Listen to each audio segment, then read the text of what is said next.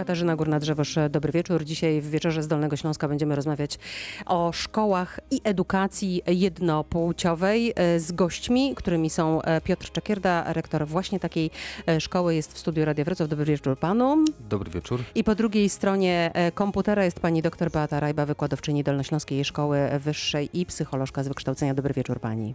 Dobry wieczór. Szkoły jednopłciowe, szkoły niekoedukacyjne, powrót do tego typu nauczania jest zauważalny w Polsce, ale nie tylko, bo i otwarta Szwecja również go e, testuje. E, Czy wychowanie i kształcenie jednopłciowe jest lepsze e, dla uczniów? O tym dzisiaj w wieczorze z Dolnego Śląska z gośćmi. Raz jeszcze przypomnę, pan Piotr Czekierda, rektor właśnie takiej szkoły średniej pod Wrocławiem i doktor Beata Rajba, wykładowczyni Dolnośląskiej szkol, Szkoły Wyższej. Pozwolą Państwo, że zacznę od Pana Piotra e, Czekierdy.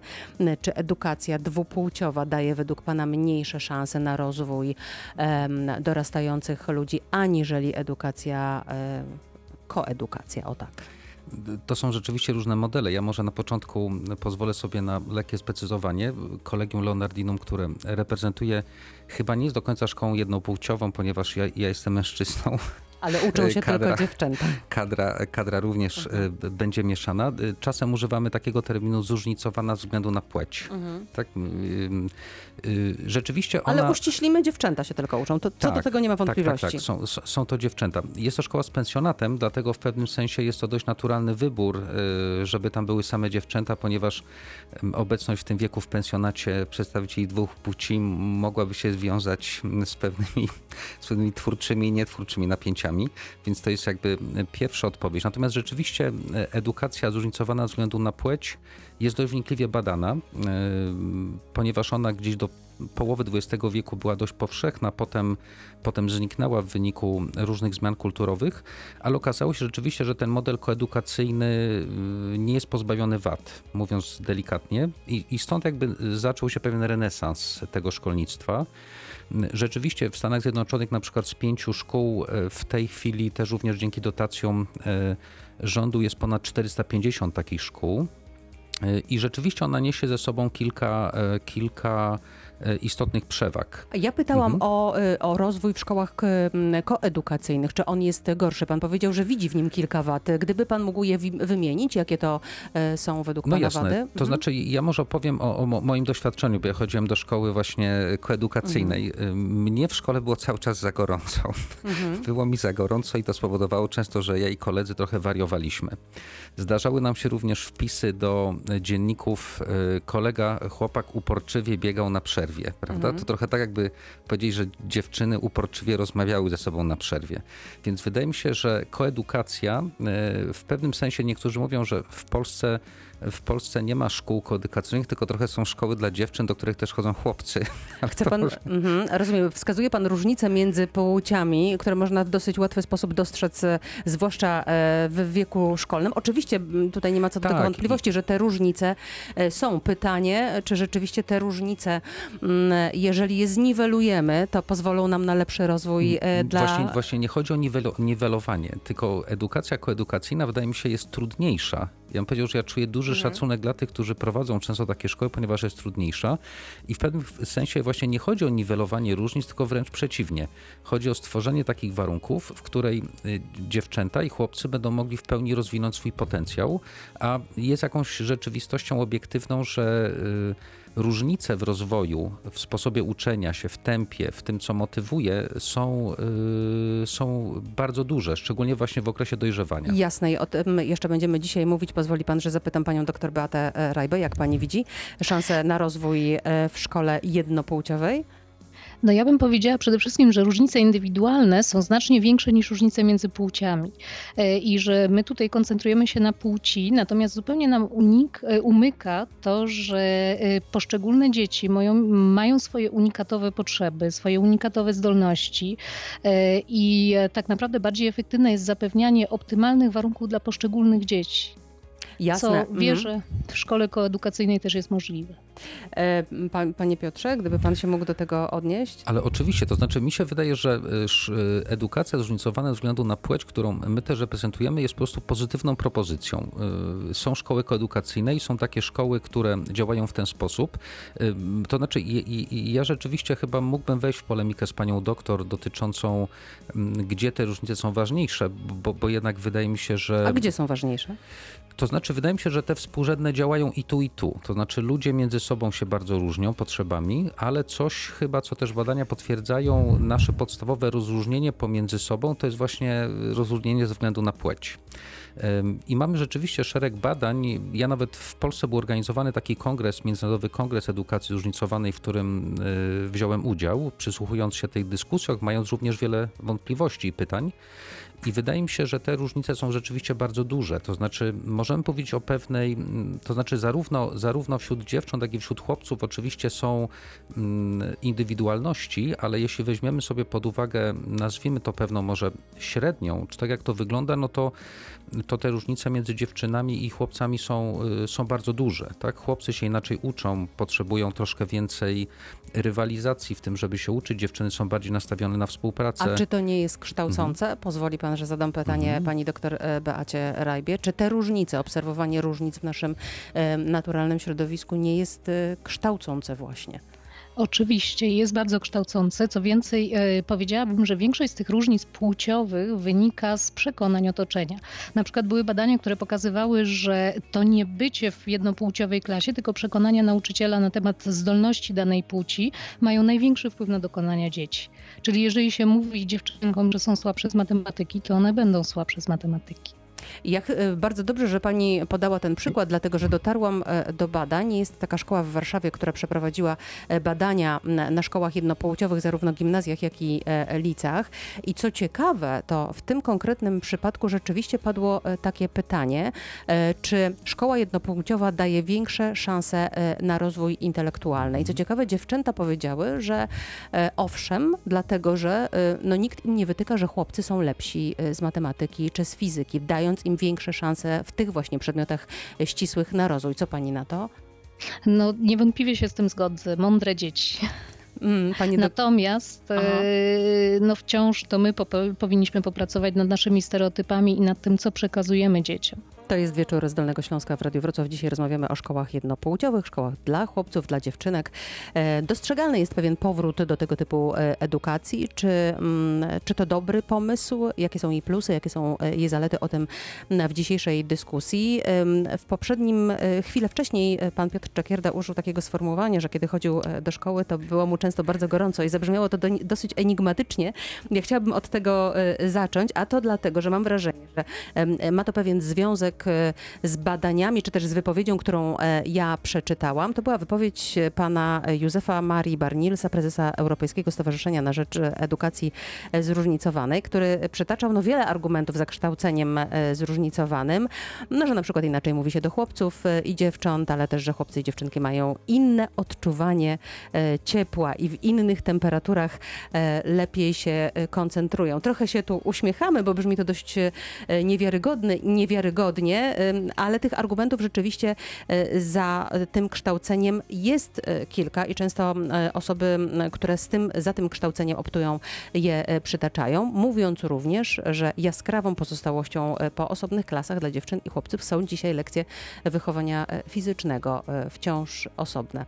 E, Pan Piotr Czekierda, to rzeczywiście jest pozostałość lekcja wychowania fiz- fizycznego, jak pan sądzi, który dowodzi tego, że jakby ten kierunek no, wciąż bardzo mocno jest w nas zakorzeniony? jednym z, jednym z takich ważniejszych argumentów na rzecz edukacji zróżnicowanej ze względu na płeć jest właśnie szacunek dla różnych etapów dojrzewania.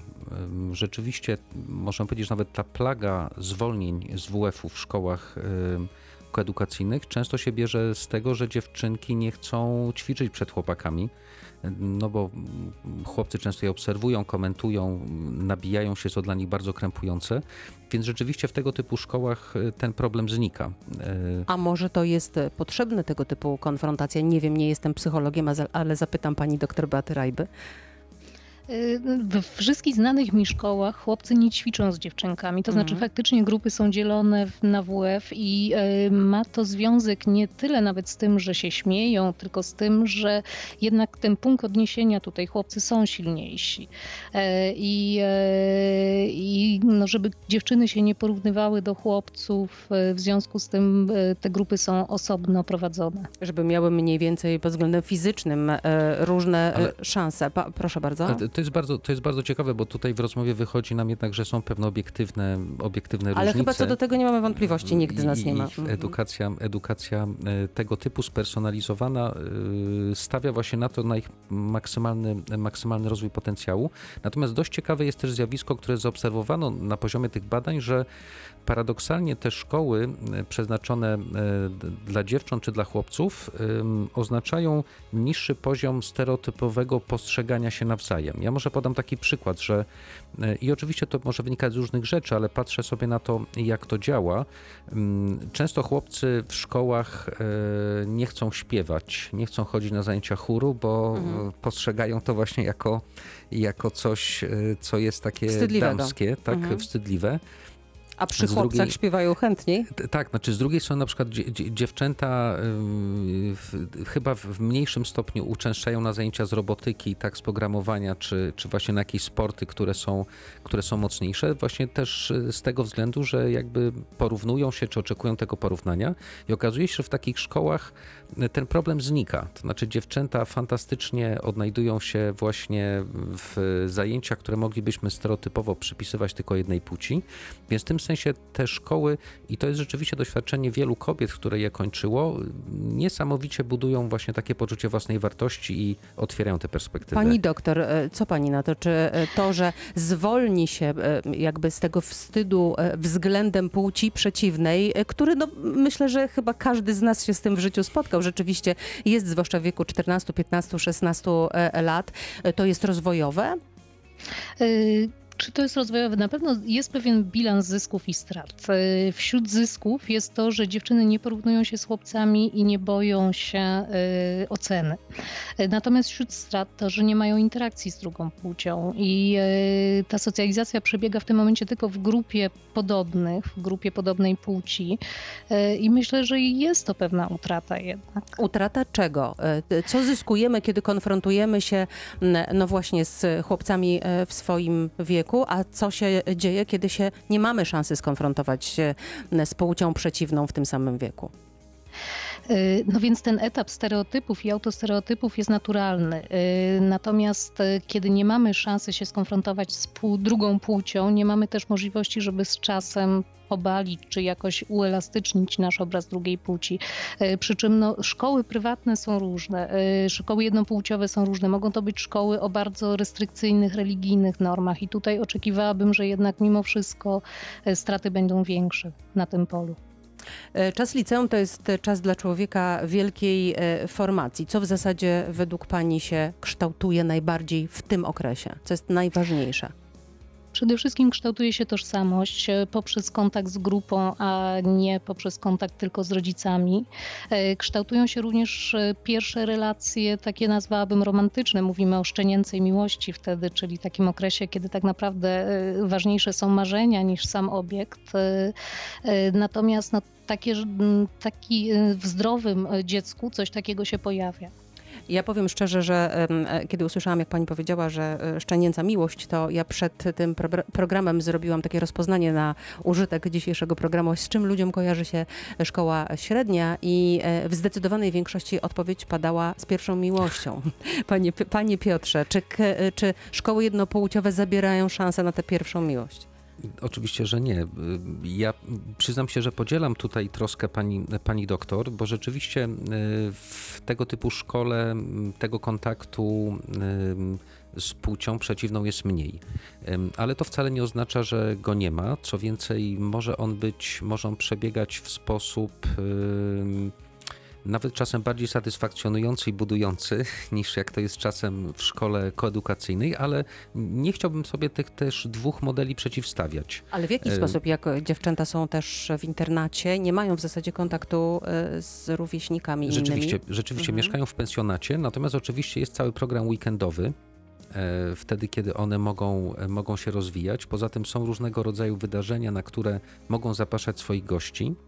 Więc rzeczywiście wydaje mi się, że to, do czego my, do czego my dziewczęta zapraszamy, to oczywiście do e, tego typu kontakty i relacje są, są, e, są potrzebne i chcemy oczywiście jakoś to, e, znaczy nawet nie tyle, co chcemy umożliwiać, co to się będzie działo. Nie dzieje się to natomiast w czasie szkolnym. Rzeczywiście ten czas szkolny jest czasem dla dziewcząt.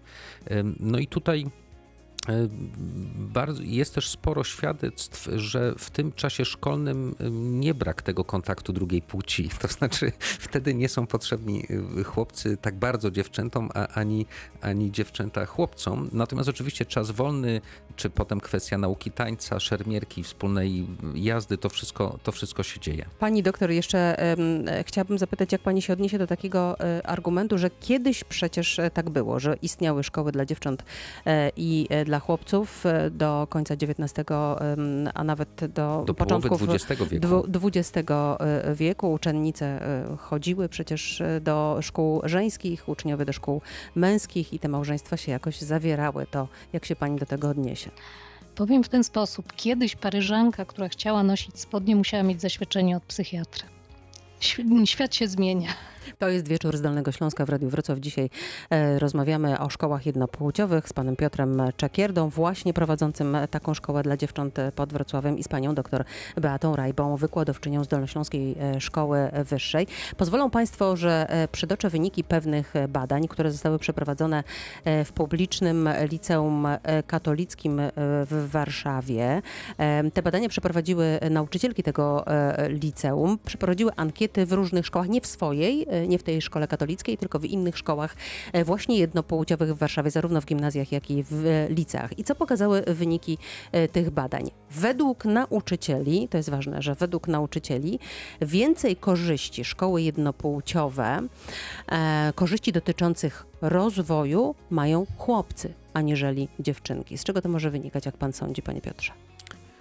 Wydaje mi się, że to wynika z tego, o czym mówiłem. To znaczy, y, wydaje mi się, że większość szkoł w Polsce, y, można powiedzieć trochę humorystycznie, to są szkoły dla dziewczyn, do których też chodzą chłopcy. Mhm. Więc rzeczywiście wydaje mi się, że raz y, na poziomie kadry absolutna dominacja kobiet, bardzo mało mężczyzn, którzy mogą być pewnymi wzorami osobowymi czy punktem odniesienia.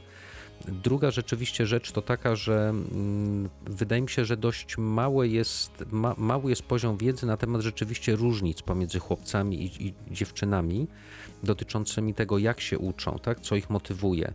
Na przykład chłopcy potrzebują ym, krót, częstych, częstszych zadań w krótszym czasie. Często potrzebują właśnie pewnej... Krótkich, prostych zdań. Oczywiście Tak. dziewczyny potrzebują dłużej pogadać. Oczywiście, tak? Więc Mhm. trochę więcej rywalizacji, trochę więcej ruchu. Na przykład często problemy w szkołach dla chłopców rozwiązywane są tym, że mają dwa czy trzy razy dziennie zajęcia ruchowe WF-u i, i, i wiele problemów się, się rozwiązuje. Ale z drugiej strony w kontrze, panie Piotrze, do tego e, jest, stoi e, tradycyjna rodzina. Pani doktor Mhm. Beata Rajba. Jeśli w rodzinie jest mama, tata, e, brat e, i siostra, no to te relacje e, i ta rywalizacja i te wstydliwe e, sceny i, i szanse na, e, na różne traktowanie z powodu różnic płci są od e, niemowlaka. Oczywiście i zresztą nawet jeżeli mamy jak najlepsze y, tutaj, e, jak najlepszą wolę, żeby traktować tak samo nasze dzieci, to zwykle traktujemy je jednak inaczej. E, Natomiast ja bym chciała jeszcze nawiązać do tych badań. Otóż e, badania zachodnie temu przeczą. E, Mhm. Okazuje się, że o ile dziewczynki faktycznie mają troszkę więcej korzyści, bardzo niewiele, ale troszkę więcej korzyści ze szkół jednopłciowych, z chodzenia do klasy, w której są tylko z dziewczynkami, e, o tyle chłopcy lepiej sobie radzą z matematyką, są mniej neurotyczni w szkołach koedukacyjnych. Panie Piotrze, co pan odpowie? Wydaje mi się, że jest wiele badań. Mhm. E, Ja bym chciał jeszcze może odnieść się krótko do tego, o czym powiedziała pani doktor, w, w tym sensie, że świat się zmienia i podała, podała przykład ym, y, zaświadczenia, Mhm. że- żeby móc ubrać spodnie.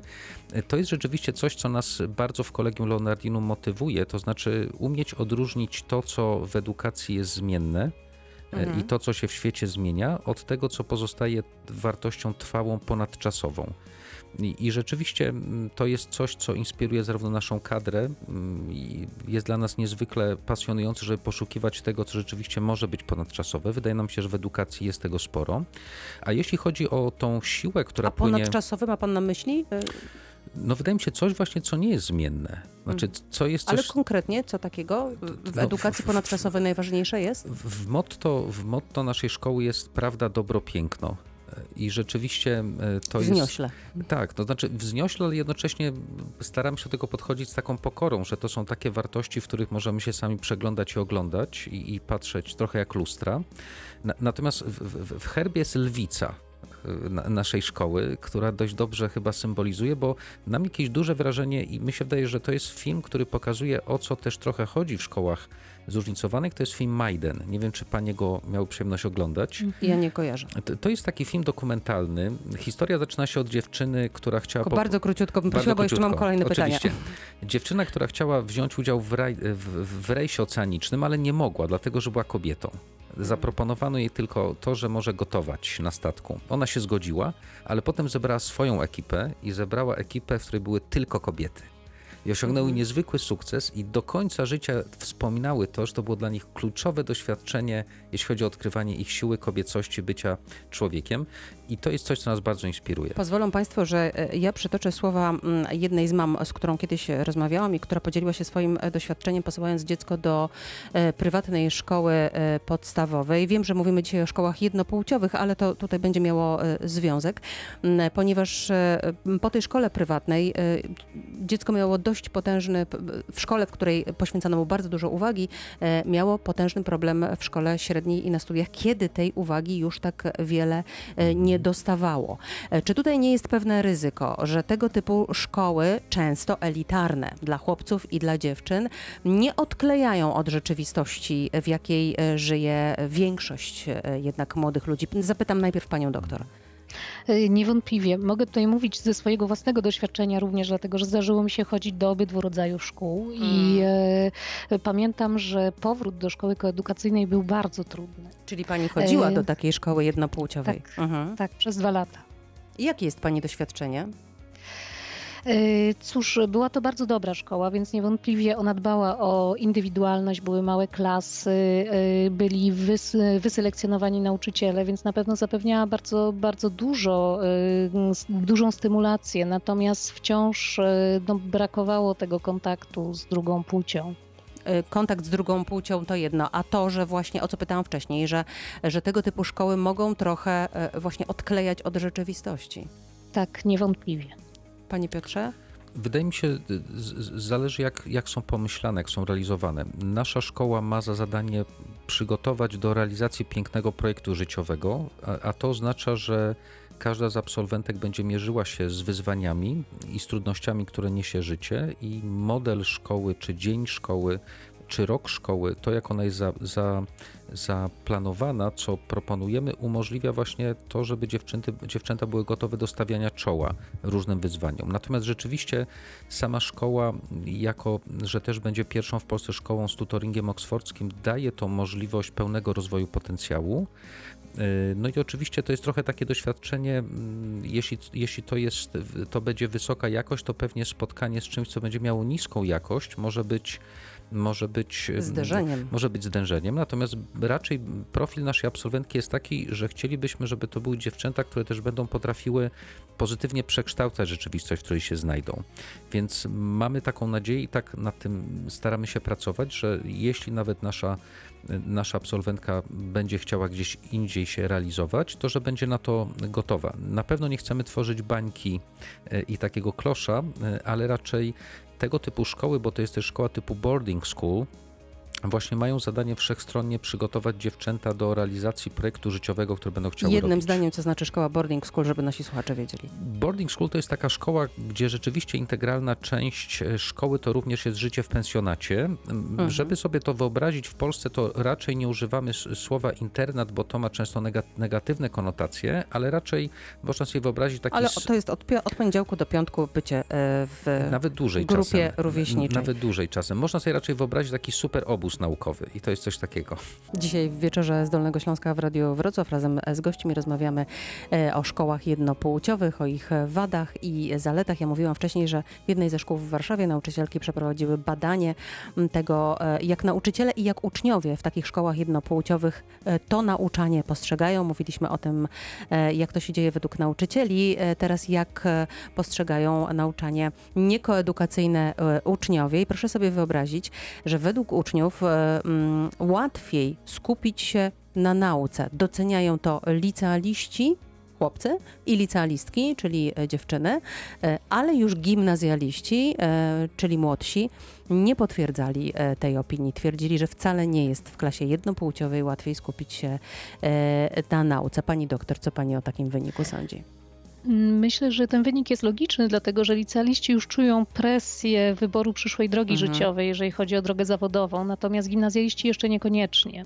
E, I tutaj e, no myślę, że jest to sensowny e, wynik. A czy rzeczywiście tak trudniej skupić się e, na nauce w szkołach koedukacyjnych? Czy ten czynnik no, tego, że jesteśmy konfrontowani z płcią przeciwną, albo też wchodzimy w relacje z płcią przeciwną, on tak bardzo jakby no, wyrzuca nas z tych torów do tego, żeby zgłębiać wiedzę? E, Myślę, że może, dlatego że w szkołach Mhm. koedukacyjnych e, możemy się zakochać w koledze z ławki i wtedy na niego zwracamy uwagę. Natomiast e, w szkole, w szkole jednopłciowej możemy się zakochać w nauczycielu i Mhm. wtedy chcemy sobie zasłużyć. No właśnie. Gimnazjaliści z kolei uważali, że w tych badaniach, które przytaczam, że brak płci przeciwnej zupełnie nie stanowi problemu e, w relacjach e, z tą płcią przeciwną, czyli ci młodsi, e, 12-13-latkowie, ale z tym zupełnie nie zgodzili się e, licealiści e, będący w tych szkołach jednopłciowych. Twierdzili, że to niedobrze wpływa na relacje ich e, z rówieśnikami płci przeciwnej. Panie Piotrze, i co pan na taki wynik badań? Ja myślę, że ten brak może być odczuwalny, więc rzeczywiście naszym zadaniem jest to, żeby umożliwić e, te relacje e, z płcią przeciwną i żeby to się wszystko dobrze e, rozwijało. Natomiast rzeczywiście dość oczywiste są, e, są te, ta przewaga tego modelu, jeśli chodzi o wyniki akademickie. Najlepsze e, szkoły, jeśli chodzi o rankingi, chociaż oczywiście rankingi pokazują jakąś, jakiś fragment rzeczywistości, jednak są dość jednoznaczne, jeśli chodzi o szkoły brytyjskie czy o szkoły amerykańskie, że właśnie dostosowanie tego do tempa, do, do, tego, jak się dana płeć uczy, przynosi świetne rezultaty. Natomiast rzeczywiście, tak jak powiedziałem, nasza szkoła ma raczej taki charakter afirmacyjny, więc nie chodzi tutaj o to, żeby budować jakiś mur od świata chłopców, ale raczej chodzi o to, żeby w pełni rozwinąć potencjał dziewcząt i oczywiście zapewnić im również y, rozwój A w jaki sposób rozwija się ten potencjał dziewcząt? Ym, trochę Bardziej aniżeli w szkołach koedukacyjnych? No, no, no przede wszystkim wydaje mi się, że e, sposób prowadzenia lekcji i zajęć jest bardziej dopasowany do dziewcząt. Znaczy dziewczęta mogą, Mogą więcej mogą, mówić. To znaczy mogą więcej mówić. Druga rzecz, że bardzo często mogą osiągnąć znacznie lepsze wyniki, ponieważ potrafią na przykład zachować więcej skupienia. Tak? Mogą osiągać ponadprzeciętne zupełnie tutaj rezultaty. Druga rzecz, która też jest ważna w tego typu, to oczywiście e, sam sposób zorganizowania szkoły, urządzenia go, tak? Jest właśnie, mm, jest właśnie bliższy dziewczętom, czy temu, jakie one wyrażają swoje, swoje potrzeby.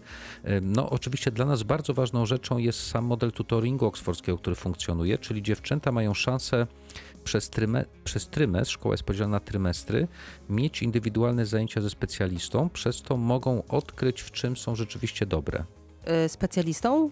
Tutorem, czyli na przykład mają tutorial z fizyki, z matematyki, z historii, z geografii czy muzyki i po tym intensywnej, cotygodniowych spotkaniach mogą dojść do wniosku, w którą stronę będą się chciały rozwijać. Pani doktor, y, większa szansa na rozwinięcie y, potencjału? Na pewno tutorial, mniejsze klasy, zainteresowanie nauczycieli tak. Mhm. Ale myślę, że to tutaj tkwi klucz sukcesu w podejściu. Mhm. Mhm. Czyli gdybyśmy mieli podejście w szkole koedukacyjnej podobne, to efekt według Pani byłby podobny? Niewątpliwie, zresztą y, jak wskazują rankingi, no w rankingach y, szkół nie ma na czele szkół jednopłciowych raczej. Ale w których, o, większości. o jakich rankingach teraz Pani mówi, Pani E, doktor? No mówimy na przykład o rankingach e, liceów. E, Tutaj, no jeżeli spojrzymy na szkoły katolickie na przykład, to one zwykle nie są u szczytu. To znaczy, to, to, to jest ciekawe, bo, bo w ogóle oczywiście szkoły zróżnicowane ze względu na płeć nie są tylko katolickie. Wydaje Mhm. mi się, że ma Pani rację, jeśli patrzy Pani na rankingi całościowe. Natomiast za, proszę zwrócić uwagę na rankingi z poszczególnych przedmiotów, ponieważ one jakby pokazują stan na dzisiaj, bo rankingi z kolei też oceniają pewną historię, liczbę olimpijczyków, zasługi. I tutaj rzeczywiście bardzo ciekawy jest przykład na przykład szkół warszawskich, gdzie z poszczególnych przedmiotów w egzaminie maturalnym szkoły zróżnicowane ze względu na płeć już zaczynają mm, e, osiągać czy pokazywać swoją przewagę, ale tak jak powiedziałem, my też mamy, y, to są dwa modele, z których rodzice mogą korzystać, prawda? Ten nasz model opisałbym troszkę jako pewne miejsce, gdzie dziewczyna może odnaleźć siebie na nowo, odnaleźć pewną część swojej osobowości, która w środowisku e, właśnie takim tradycyjnym, koedukacyjnym może Oczywiście, nie jest to, jest to propozycja, nie ma, nie ma przymusu. Natomiast Mhm. jeszcze, na jeszcze jedną rzecz chciałabym e, zwrócić uwagę, ponieważ te badania m, warszawskie, do których e, dotarłam, one potwierdziły jedną, e, wydaje mi się, dos, dosyć istotną e, rzecz, e, zwłaszcza w dzisiejszych czasach, czasach mediów e, społecznościowych. Otóż okazało się, m, że według uczniów takich e, szkół e, jednopłciowych łatwiej e, znieść krytykę, jeśli w otoczeniu nie ma e, płci e, przeciwnej, czyli łatwiej przyjmujemy krytykę, jeśli ja nie widzę chłopca i chłopiec przyjmuje łatwiej krytykę, jeśli w otoczeniu nie ma dziewczynki. Pani doktor, czy to procentuje na przyszłość, bo być może powinniśmy nabierać twardej skóry na krytykę. E, Znowu e, myślę, że sprowadzę dyskusję do zupełnie innego tematu, mianowicie jak powinniśmy krytykować dzieci, jak powinniśmy mówić dzieciom o tym, że mają coś zmienić, żeby ich nie krytykować. A jak powinniśmy krytykować dzieci? No właściwie to nie powinniśmy ich krytykować. Mhm. Możemy im na przykład w formie kanapkowej pokazywać, że z tego są dobre, to jeszcze powinny poprawić, ale ogólnie jest nieźle. Czyli mówiąc e, e, wprost, Informacja dając im zwrotna. informację, tak, dając im informację Tak zwrotną, e, a nie krytykę. Panie Piotrze, no właśnie, to panu zadam to pytanie. Być może jest tak, że my tej twardej skóry powinniśmy jednak się uczyć i nabywać w tym wieku licealnym, a nie Ja- chronić się przed tym. Ja może powiem, że jedna z takich wy- wybitnych członki naszej kadry mm, akademickiej to jest była piłkarka, więc Mhm. e, rzeczywiście nie wiem, czy to oczywiście to nie tylko kwestia twardej skóry, ale powiedziałbym e, stawia, czy, czy mierzenie się z wyzwaniami, tak? Realizowanie pięknego projektu I z życiowego. krytyką, czy też z informacją krytyką. zwrotną, jakkolwiek byśmy to, e, A- to a- nazwali, chociaż jest różnica A, oczywiście. absolutnie, absolutnie. Wydaje mi się, że po prostu, że e, edukacja zróżnicowana ze względu na płeć jest, jest łatwiejsza i być może bardziej taka ekologiczna i naturalna. Trzeba mieć świadomość oczywiście tych ryzyk, o których też mówiła pani doktor i, i, i w, a w, Także jest to coś nowego w naszych warunkach. Ja się bardzo cieszę, że chyba to już nie budzi tylu emocji czy zastrzeżeń jak jeszcze kilka lat temu. Ale pytania, pytania wciąż są. Na szczęście. Oczywiście. Dlatego możemy prowadzić dzisiaj dyskusję. E, Ponieważ ta dyskusja zbliża się do końca, to na koniec chciałabym jeszcze Państwa zapytać. Bardzo proszę o e, podanie e, według Państwa wady i zalety takiego systemu jednopłciowego, Pani doktor. E, Ja powiem, że to zależy. To znaczy niektóre szkoły będą szklarniami, które, za, które zapewniają optymalne warunki, a inne będą takim kloszem, który blokuje ekspresję seksualności dziecka. Mhm. A wady i zalety szkoły koedukacyjnej? E, Bogactwo, bogactwo interakcji, e, natomiast wady na przykład 30, e, to zaleta, natomiast Mhm. wada to na przykład 32 dzieci w klasie. Mhm. I Pan Piotr Czekierda. Pozytywy i negatywy szkoły e, jednopłciowej, czyli tako, takiej, jaką Pan reprezentuje.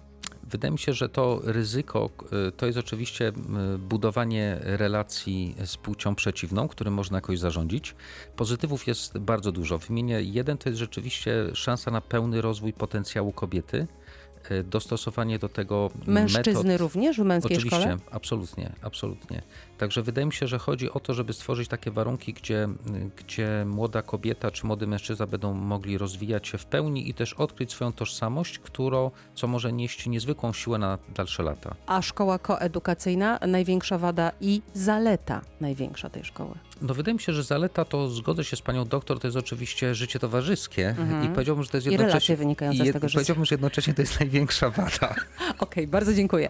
E, Pan Piotr Czekierda był dzisiaj z nami, pani doktor Beata Rajba po drugiej stronie komputera. Pięknie Państwu dziękuję e, za dzisiejszą Dziękuję rozmowę. bardzo. A rozmawialiśmy Dziękuję. o szkołach e, jednopłciowych, ich plusach i wadach. Dziękuję bardzo, dobrej nocy. Życzę Katarzyna Górna-Drzewosz.